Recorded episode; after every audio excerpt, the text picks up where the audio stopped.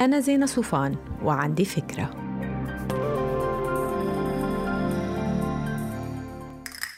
هاي مش مزبوط إنه لما يكون عنا to do list كثيره هيدا بيعمل علينا stress ومش مزبوط إنه الأشياء اللي حابين نعملها أو لازم نعملها لما بنكتبها وبنحطها قدامنا بتعملنا ضغط عصبي. الضغط العصبي الحقيقي بيجي لما بنكتشف إنه في أشياء كثير كان لازم نعملها وما عملناها. إما لأنه نسيناها بزحمة حياتنا أو لأنه ما عاد عملها فات ببساطة. كل واحد لازم يكون بحياته قوائم عمل. أنا عندي اثنين. أول وحدة هي القائمة اليومية اللي بتوقع ضمن قائمة أسبوعية.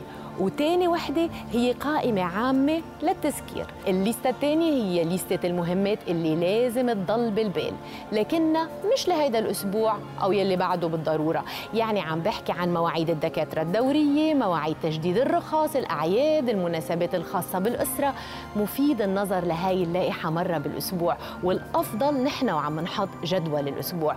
وكتير ضروري نتطلع عليها لما نكون بصدد التخطيط لرحلة أو لسفر مثلا. التودو ليست الأولى هي عبارة عن جدول يومي ضمن خطة أسبوعية بحضرها مرة كل سبعة أيام. عادة بالويكند وعلى الأغلب الصبح بكير لما البيت بيكون لسه نايم.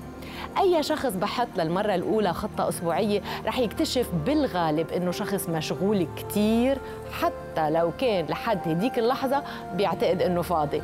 كتير ناس بيحطوا لائحة عمل يومية بيحضروها كل يوم. هيدا برأيي غلط.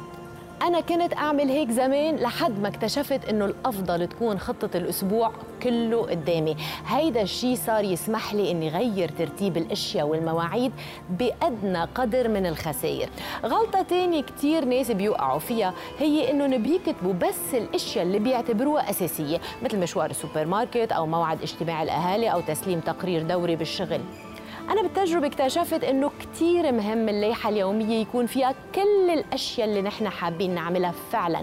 يعني إذا أنا بلعب رياضة بس تركي الموضوع من خارج جدول أعمالي راح يكون دايما في أشياء تسرق مني هيدا الوقت. رياضة بند أساسي لازم ينحط مثل الشغل ومثل العائلة. وكمان كتير مهم نخصص وقت للسوشيال ميديا.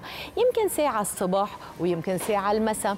ولازم نعود حالنا إنه خارج هاي الأوقات غير مسموح بأكثر من سرقة نظره سريعة بين المهمات اللي عم ننجزها.